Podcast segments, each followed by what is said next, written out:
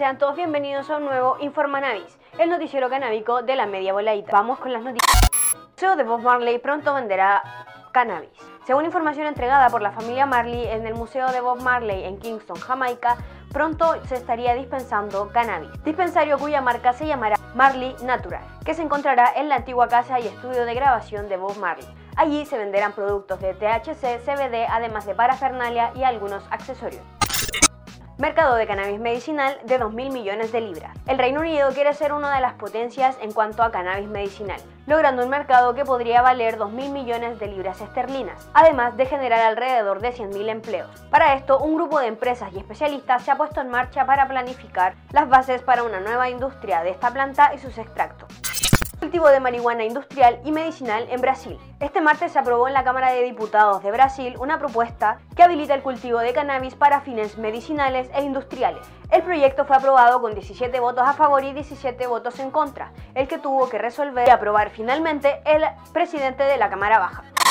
Universidades en Nueva York prohíben cannabis. A pesar de que en marzo se legalizó el cannabis en Nueva York, las universidades han prohibido su uso en las instalaciones.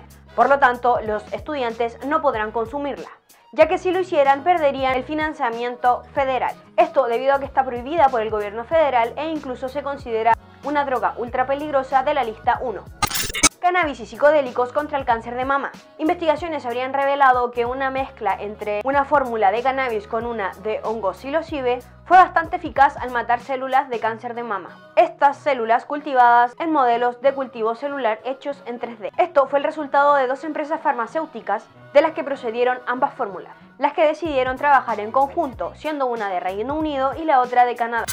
República Checa aprueba el cultivo y prescripción de cannabis medicinal. La Cámara Baja del Parlamento de la República Checa aprobó un proyecto que legalizará el cultivo y la prescripción médica del cannabis medicinal y del cáñamo. El proyecto establece que el cannabis podrá ser cultivado por múltiples grupos privados, los que también podrán fabricar sus propios productos. Además, se podrá exportar y realizar extractos, y los productos de cáñamo con menos de 1% de THC no serán considerados psicodélicos.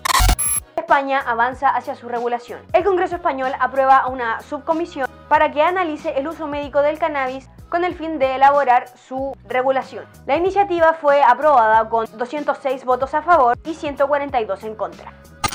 Portugal discute la regulación de cannabis recreativa. La Cámara Baja de Portugal discutió sobre la legalización del cannabis recreativo. El proyecto fue presentado por un bloque del partido de izquierda el que presentó un proyecto similar hace dos años, pero no dio muchos frutos. Mientras tanto, el uso medicinal ya es legal desde el 2018.